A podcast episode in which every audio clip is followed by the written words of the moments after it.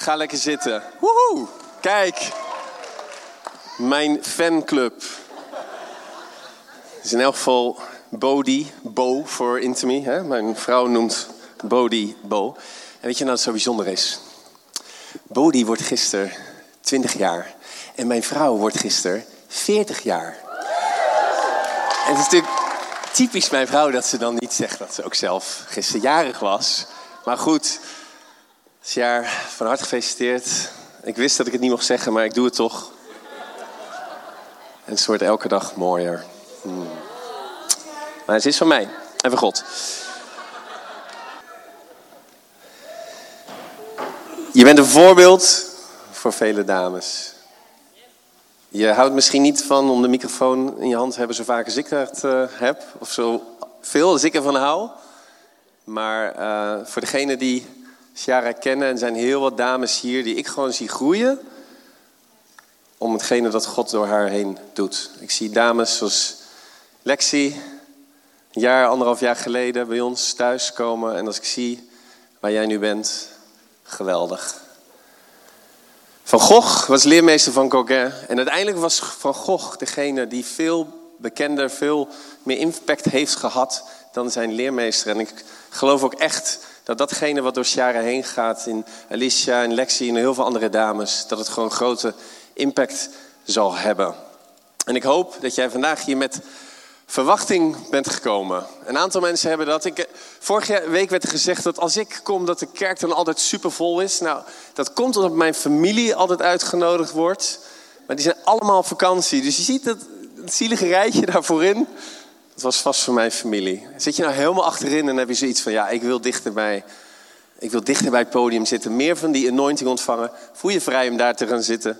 Er staan reserveerbordjes op, maar uh, dat is niet gereserveerd. Maar ik heb in elk geval collega's van mij gezien en daar word ik heel blij van. Ik zal niet vragen om je hand op te steken, maar hartelijk welkom. Wat Hagenezen ook. Leuk dat jullie er zijn. En mijn naam is Henk Scholten. Ik ben ooit als christen opgegroeid en toen ben ik voor een periode van zo'n tien jaar weg geweest van God. En eigenlijk had ik daarvoor ook nooit echt God in mijn leven toegelaten. Tussen mijn twintigste en mijn dertigste heb ik rondgedwaald in het leven, maar ik heb God gevonden. En ik ben terug en ik ben gepassioneerd. Meer dan ooit tevoren. En ik hoop dat jij dat ook bent vandaag. En als ik zo kijk naar die doop van vorige week. Dat, dat, ja, het breekt gewoon mijn hart om te zien dat er mensen zijn die keuzes maken van God. En weet je, het is, dit is nog maar het begin. Het feit dat jij gedoopt bent is nog maar het begin. Het is onderdeel van onze roeping. God zegt, ga heen, maak alle volken tot mij discipelen, doop ze. In de naam van de Vader, de Zoon en van de Heilige Geest. En leer ze alles wat ik jou geleerd heb. En ik zal altijd bij je zijn, zegt hij. En dit is onze missie als kerk. Om mensen niet alleen bij God te brengen, maar om Gods koninkrijk in jouw werkelijkheid zien te worden. Zodat jij weer verder kunt gaan. En het koninkrijk verder hier op aarde kunt brengen. En ik sprak net een van de dopelingen. En uh, ik, ik ken haar verhaal eh, van een gebroken familie. Ouders die gescheiden zijn. Een nicht die niet meer sprak met de zus, niet meer naar de kerk ging. En ik kwam haar net tegen en ik vroeg, en hoe is het nu? Als gedoopte, als dopeling. Ze zegt, ja, je houdt het niet voor mogelijk. Mijn nicht is naar mijn doop gekomen. Ze heeft weer contact met mijn zus opgezocht. Ze is weer aan de familie-app toegevoegd. Ze heeft zelfs City Life Church Groningen contact om weer naar de kerk te gaan. Mijn ouders, die na een scheiding nooit meer samen zijn geweest, hebben samen met mij en met de rest van de familie gegeten s'avonds.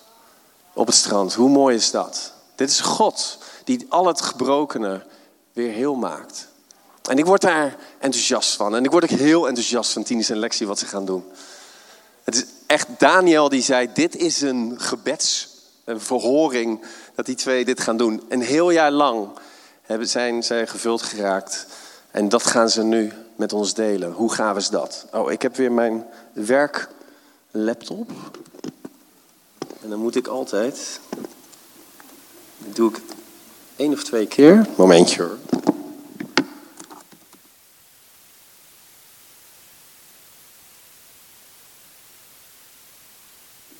Dat wel eens? Dan moet je er recht voor staan, anders tik je het verkeerde paswoord in. Hey, vandaag wil ik het met jullie hebben over het koninkrijk van God. En er is één scripture, één, één Bijbelvers, wat eigenlijk centraal staat in mijn preek vandaag. En als er één ding is, wat ik hoop dat je vandaag onthoudt, dat je meeneemt, dat je misschien opschrijft, is datgene wat ik nu voor ga lezen. En er staat in Lucas 17, vers 20 tot 21. Een fariseeën vroeg aan Jezus wanneer het koninkrijk van God zou komen. En Jezus antwoordde, het koninkrijk van God komt niet zo dat je het kan zien. Je zal niet kunnen zeggen, hier, kijk, hier is het. Of kijk, daar is het. Maar het koninkrijk van God is in jou. De volgende slide. En ik weet niet of je er wel eens bij stilgestaan hebt. Hoe vaak het woord koninkrijk van God in de Bijbel voorkomt. Het is een onderwerp wat eigenlijk te groot is om hier in, wat is het, 20, 25 minuten met jullie eh, te delen. Jezus zelf spreekt heel veel over het koninkrijk van God en we gaan er zo naar kijken. Um, en ik heb ook niet de illusie dat ik in deze korte 20, 25 minuten jou volledig beeld zou kunnen geven van het koninkrijk van God. Daar, daarvoor is ons menselijk brein gewoon te beperkt en is het koninkrijk van God te groot. Maar Jezus zegt tegelijkertijd ook in zijn woord: zoek eerst het koninkrijk van God. En daarna zegt hij in zijn woord: zoek en gij zult vinden. Dus ik wil je bemoedigen vandaag en eigenlijk wil ik je helpen met het zoeken en het vinden van een stukje van het koninkrijk van God. Zeg even tegen je buurman: zoekt en gij zult vinden.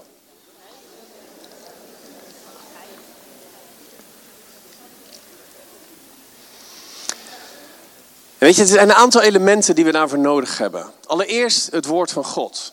En die tekst die echt de, de core tekst van vandaag is in, in Lucas 17. Die kwam ik een aantal maanden al geleden tegen in de Bijbel. En ik dacht van wat? Het koninkrijk van God. Er wordt zoveel over gesproken. Het koninkrijk van God gaat komen. Maar tegelijkertijd zegt Jezus: Het koninkrijk van God is in jou. En hij zegt dat niet tegen jou of mij. Hij zegt dat tegen de fariseeën. Degene waar hij eigenlijk altijd de meeste problemen mee had. En dan denk ik van, hoe, hoe kan het dat het koninkrijk van God in ons woont? Nou, wat ik, er zijn een aantal dingen waar ik je mee wil bemoedigen. En het allereerste is, je hebt het woord van God nodig. Allereerst om te weten wat hij spreekt over het koninkrijk van God. En alleen het woord van God hebben is niet genoeg. Je zult de Heilige Geest moeten vragen om dat woord van God tot jou te openbaren. We zien een voorbeeld in uh, de Bijbel waar uh, de kamerling het woord van God leest, maar het gewoon niet snapt. En uiteindelijk komt een van de volgelingen van Jezus, volgens mij was het Filippus, en die legt hem het uit. God kan jou door de Heilige Geest het woord van God uitleggen. Als je, dat, als je het woord van God niet als je het woord van God leest zonder te vragen voor een openbaring, dan kan het best wel zijn dat je gewoon niet hetgene eruit haalt wat God uiteindelijk tot jou wil spreken. En er, staan ook heel veel dingen in de Bijbel die ik niet begrijp. Ik had van de week nog een tekst. Dan staat er, dan spreekt Jezus tot de apostelen. Jullie, eh, maak je geen zorgen, je zult niet vervolgd worden. Eén vers later staat er. En de vervolging van de apostelen of de kerk, die was heel zwaar. Ik denk, hè? Hoe, hoe kan dit? Hoe gebeurt dit? En zo zijn er heel veel schijnbare tegenstellingen in het woord van God. Maar ik geloof dat als jij het woord van God induikt en je vraagt de Heilige Geest om jou te openbaren, dat God tot je gaat spreken. En uiteindelijk zal dat gaan leiden tot dat, je, dat jouw relatie met God zal groeien. En dat is iets wat mij aan het hart ligt. En ik wil je dat echt meegeven. Ik wil ook graag bidden voor dit woord. Vader God, dank u wel. Dat we aanwezig zijn hier vandaag, Vader. Dank u wel voor deze mooie zondag. Dat we u hebben mogen aanbidden. God, u bent koning en heerser over alles. We bidden voor uw woord vandaag. Onze harten staan open om te ontvangen. Uw koninkrijk komen. U wil geschieden, zoals in de hemel, als ook op de aarde. Spreek tot ons in Jezus' naam. Amen. Hey, als we iets dieper in gaan zoomen op, op het koninkrijk van God, dan is het belangrijk om te snappen wat eigenlijk een koninkrijk is. En je zou het in aardse termen kunnen definiëren als een gebied of een land waar een koning macht heeft, een heerschappij, en waar hij dus regeert. Je hebt een koning en je hebt mensen die in dat koninkrijk wonen. En in de geestelijke wereld wordt het wel de heerschappij of de autoriteit van God genoemd. En als we naar het Oude Testament kijken, dan zien we eigenlijk heel, heel uh, regelmatig sprake, uh, dat er sprake is van verschillende koninkrijken. Dus al bij het volk Israël was er sprake van een koninkrijk van het volk Israël. Maar er waren ook andere koninkrijken. Er was het Babylonische koninkrijk, het Assyrische koninkrijk. En elke keer als we het koninkrijk van God in aanraking zien komen met het koninkrijk, andere koninkrijken, koninkrijken van de wereld, dan ontstaat er confrontatie. Dat zien we al in Egypte toen het volk Israël gevangen zat in slavernij. God liet zijn koninkrijk zien door de wonderen die hij deed door Mozes. En daar was de confrontatie met de farao en met zijn land. En uiteindelijk zien we ook elke keer als Jozua of David koningen moesten verslaan in Canaan, dan was daar die confrontatie. En eigenlijk zien we dat als een rode draad door de Bijbel heen lopen. Dat elke keer als Gods koninkrijk zichtbaar wordt, of als uitingen van Gods koninkrijk zichtbaar worden hier in de wereld, dat er confrontatie ontstaat. En ik wilde dadelijk nog even later op, uh, op terugkomen, want ook vandaag de dag is dat iets wat wij regelmatig zien. En niet alleen de koningen die hadden die confrontatie, maar we zien ook dat uh, profeten waren in het Oude Testament. Vooral Jezaja en Daniel waren de profeten die het meest spraken over de koninkrijk van God. En het is Jezaja, de profeet, die Jezus het meest aanhaalt um, in zijn tijd hier op aarde. En misschien weten jullie het wel in zijn de beginning van zijn bediening. Jezus was net gedoopt, net als velen hier in deze kerk. En vervolgens werd hij, de Heilige Geest kreeg hij over zich. En hij is uh, toen 40 dagen in de woestijn geweest, is hij verzocht door de duivel. Maar hij kwam daar nog sterker uit. En direct na, nadat hij uit de uh, woestijn kwam, is hij naar de synagoge gegaan. En werd hem de boekrol van Jezaja gegeven. En daar leest Jezus voor uit Jezaja 61. En dat vinden we dus ook weer terug in Lucas. Als het goed is, komt het op het scherm. En dit is echt een belangrijke tekst voor ons. Want Jezus leest daar: De geest van de Heer rust op mij. Want hij heeft mij gezalfd. Om aan de armen het goede nieuws te brengen, heeft hij, heeft hij mij gezonden. Om aan gevangenen hun vrijlating bekend te maken. En aan blinden het herstel van hun zicht. Om onderdrukte hun vrijheid te geven. En dan even daar later zegt hij: En vandaag is dit schriftgedeelte in vervulling gegaan. Deze profetie laat Jezus in vervulling gaan. En dit is een hele belangrijke profetie voor ons. Want Jezus geeft ons eigenlijk ook deze opdracht weer mee op een moment dat Hij heen gaat naar de Vader. Dan geeft hij ons dezelfde opdracht. Ga heen, maak alle volken tot onze discipelen. Genees de zieken. Drijf demonen uit. Dat is de opdracht die God ons ook weer meegeeft. En Jezus laat hier een stukje van het koninkrijk van God zien op het moment dat hij op aarde is. En als we nog dieper inzoomen in het koninkrijk van God, dan zien we dat in het Nieuwe Testament meer dan 70 keer koninkrijk van God gebruikt wordt. En ook meer dan 30 keer koninkrijk van de hemel. Nou, er is veel discussie onder theologen en tegenwoordig ook internettheologen of internet-experts. Iedereen heeft tegenwoordig een mening over: is nou het koninkrijk van God hetzelfde als het koninkrijk van de hemel. Ja, we zien in elk geval één tekst in Matthäus 19, vers 23 en 24, waar Jezus eigenlijk in één of twee zinnen beide als één neemt. Dus hij zegt, ik verzeker jullie, slechts met grote moeite zal een rijk het koninkrijk van de hemel binnengaan. En ik zeg jullie nog eens, het is makkelijker voor een kameel om door het oog van een naald te gaan dan voor een rijke om het koninkrijk van God binnen te gaan. Dus het koninkrijk van de hemel en het koninkrijk van God wordt hier eigenlijk door Jezus als één gezien. Nogmaals, er is heel veel discussie over, dus heb jij een andere mening, kom na de dienst naar mij toe. Maar ik zal het ook in deze preek, het koninkrijk van de hemel en het koninkrijk van God, bij elkaar gebruiken. En ik wil iets dieper inzoomen, nog iets dieper inzoomen op een aantal teksten over het Koninkrijk van God. Ik heb een lijstje onder elkaar gezet.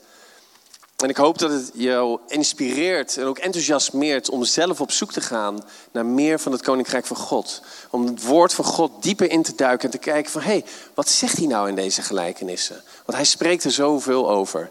Jezus zegt over het Koninkrijk van God, het is nabij. Het is als met een mens die zaad uitstrooit op aarde, Marcus 4, vers 26.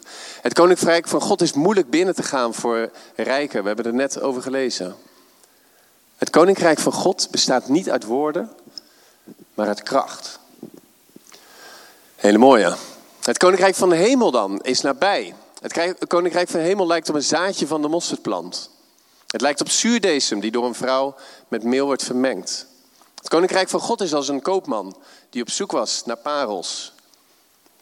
Een hele bijzondere, eigenlijk ook wat Anton net zei over gehoorzaamheid. Niet iedereen die Heer, Heer tegen mij zegt, zal het koninkrijk van de hemel binnengaan. Alleen wie handelt naar de wil van mijn hemelse Vader. Dat is best een pittige. niet iedereen die zegt, God, God, ik geloof in u.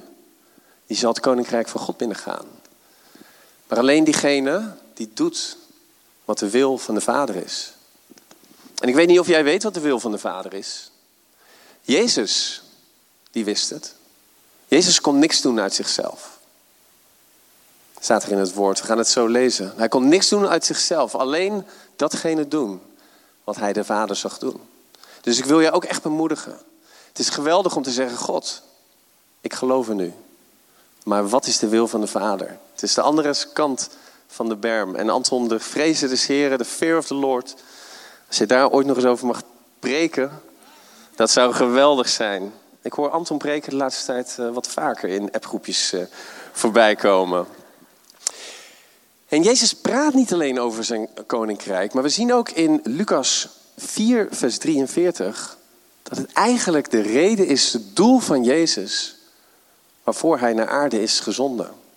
Staat, hij zei tegen hen, ook in andere steden moet ik het goede nieuws over het koninkrijk van God brengen, want daarvoor ben ik gezonden. In de Engelse vertalingen staat, I was sent for this purpose. Dus de komst van Jezus naar de aarde was zodat hij het koninkrijk kon verkondigen aan jou en mij. En tegelijkertijd is het onze opdracht om het koninkrijk te zoeken. Ik hoop dat je het belang van het koninkrijk, dat ik dat goed duidelijk aan jou kan maken.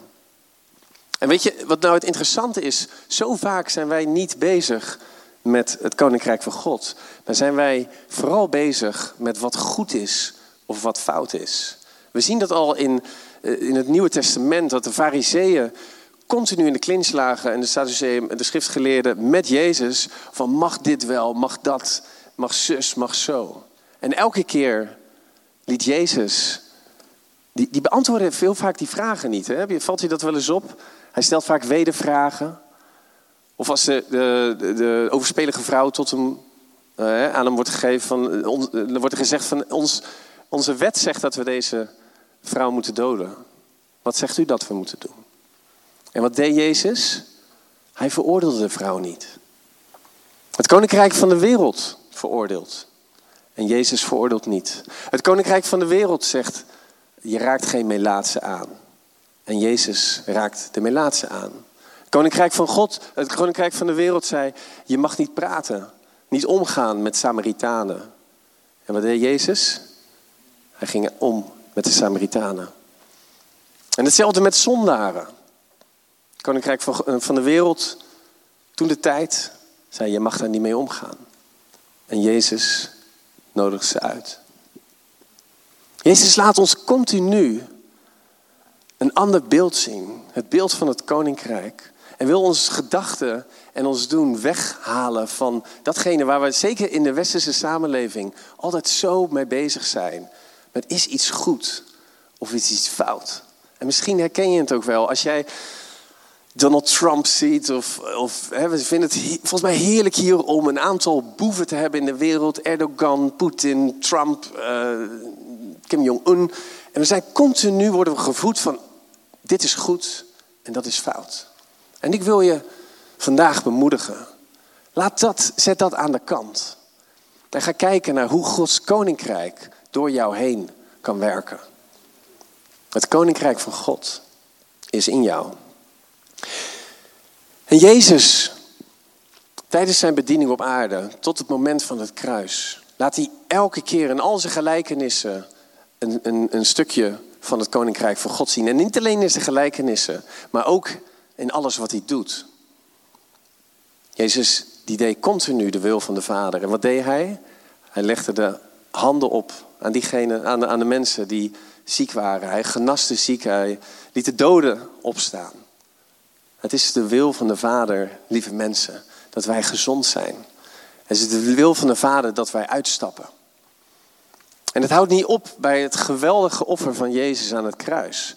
Maar zelfs na zijn dood en zijn opstanding had Jezus nog 40 dagen om hier op aarde te zijn.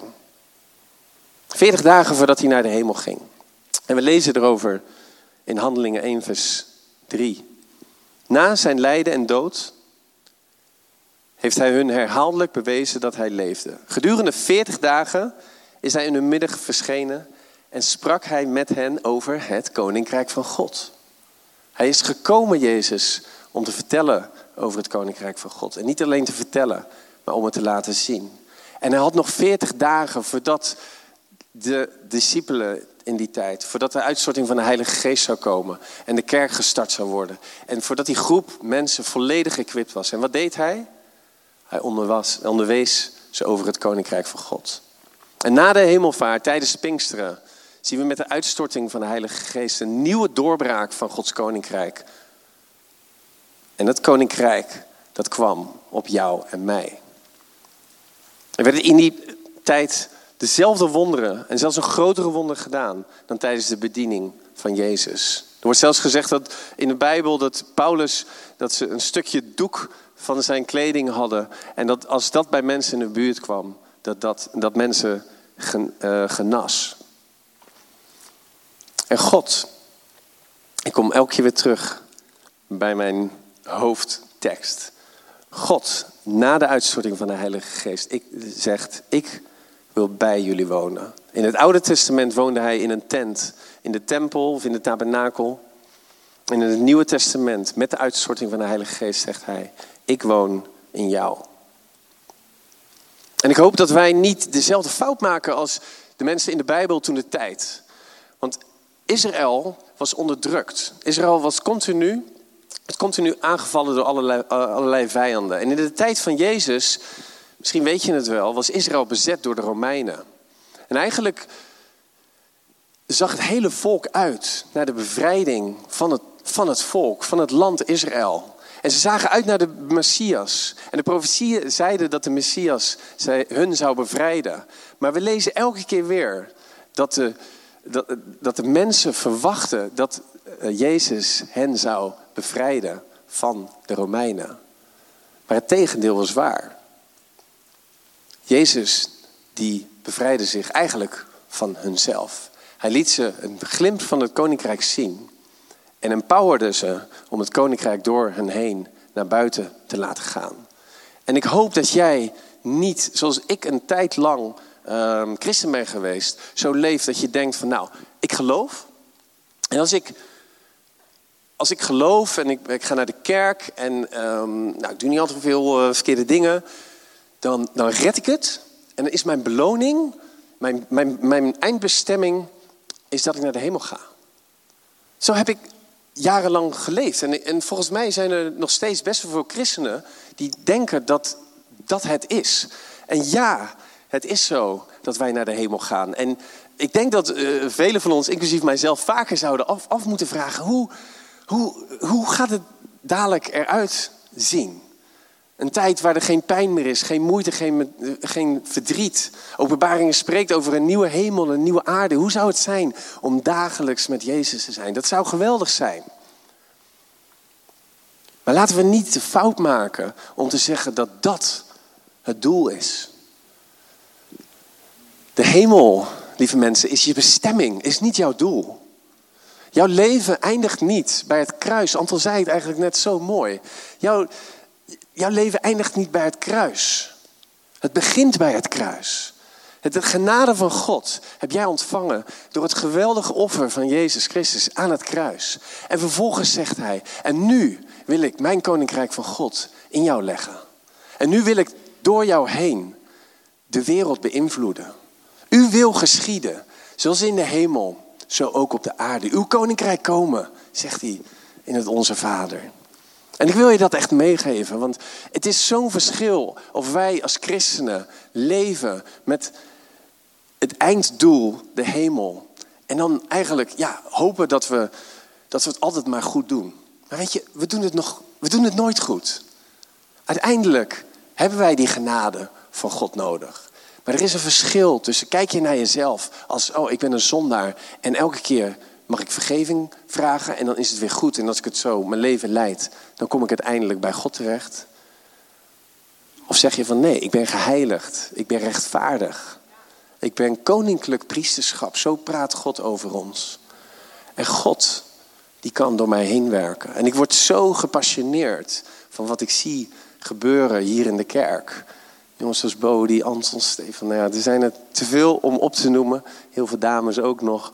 Maar ik zie, je verwoordt het heel goed, uh, Lexi. Mensen op het puntje van hun stoel zitten. En zeker ook de volgende generatie. Mensen die weten dat Jezus levend is en actief vandaag. Mensen die niet kunnen wachten totdat we volgende keer weer de straat op gaan. Om het koninkrijk van God te delen. Weet je, ik vergelijk het wel eens met een soort lichtschakelaar. Als jij, jij kunt dadelijk de kerk uitlopen. En dan heb jij de keus om de knop aan te zetten of de knop uit te zetten. En als jij de knop aanzet, dan geloof ik dat je, dat je kunt weten en zelfbewust zult zijn dat God in jou woont. En dat jij toegang hebt tot alles waar God toegang toe heeft. Besef je dat het koninkrijk van God een koning heeft. En hij spreekt erover in zijn woord dat wij kinderen van het koninkrijk zijn. En als jij een kind bent van de koning, dan betekent dat jij en ik prinsen en prinsessen zijn. Dat we toegang hebben tot alles wat de Vader heeft. En ik vind het zo bijzonder, volgens mij kunnen we het ook op het scherm zetten. Dat... Ik switch even naar mijn blaadjes hoor, want ik ga dat paswoord niet opnieuw invullen. Ik heb hier vorige keer ook over gesproken en ik wil het nogmaals um, aangeven. Er staat heel duidelijk in, het, in de Bijbel dat Jezus niks uit zichzelf kon doen. Ik vind dat heel bijzonder. Want hij deed zulke geweldige dingen. Maar toch kon hij niks uit zichzelf doen. De zoon, Johannes 5, vers 19. De zoon kan niets uit zichzelf doen. Hij kan alleen, alleen doen wat hij de vader ziet doen. En dat is nou precies wat hij tijdens de bediening op aarde altijd heeft gedaan. Hij heeft de wil van de vader gedaan. Hij heeft het koninkrijk van God laten zien. En net als Jezus kun jij, kunnen jij en ik ook niets uit onszelf doen, maar enkel datgene wat we de Vader zien doen. En daar wil ik je, daarom wil ik je uitnodigen en uitdagen ook. Zie jij wat de Vader wil doen?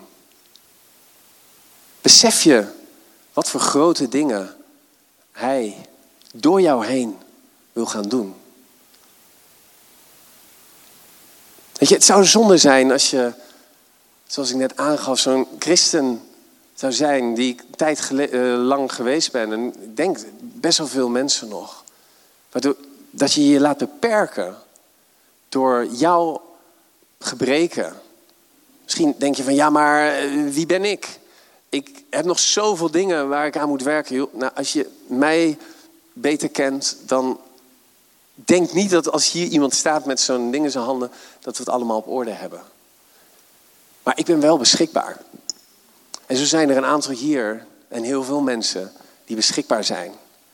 Ik denk dat het probleem vandaag de dag niet zozeer is dat er te weinig christenen zijn.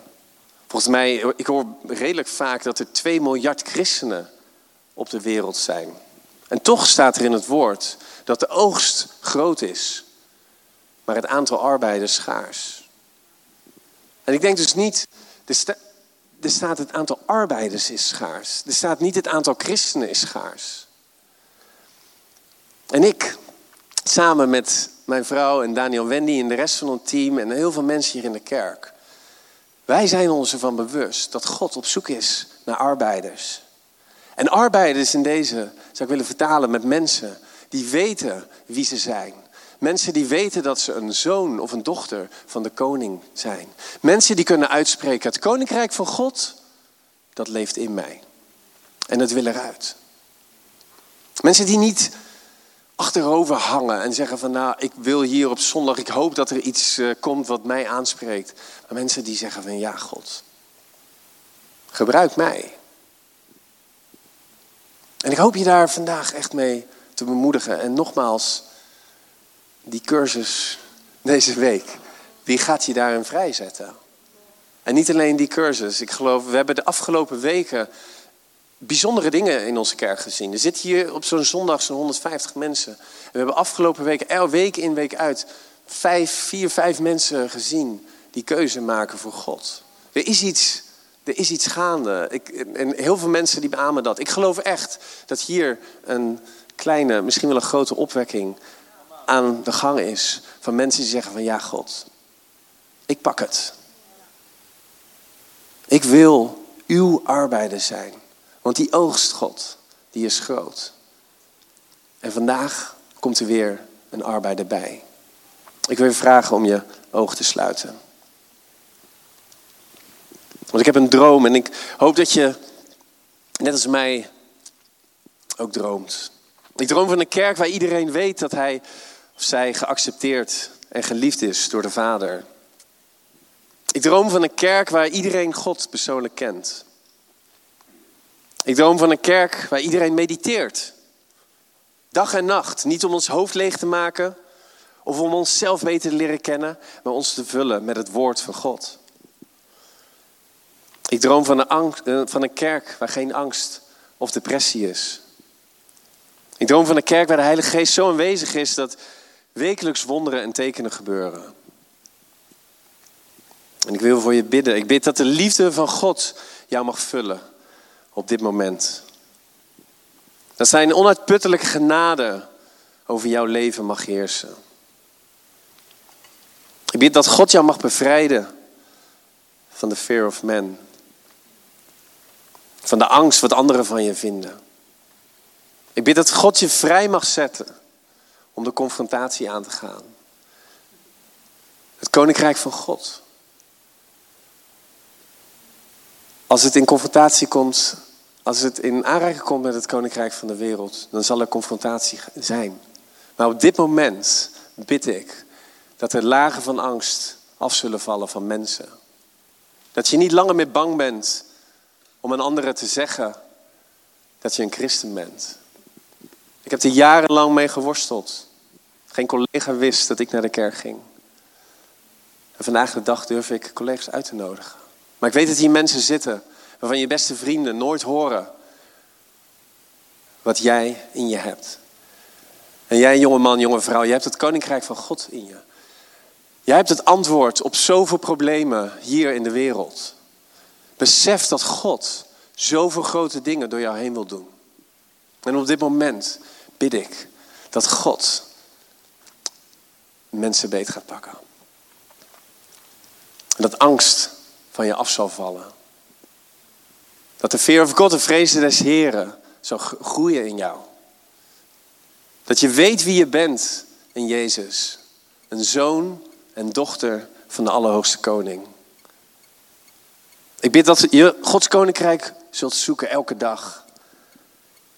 En God zegt, zoekt en je zult vinden.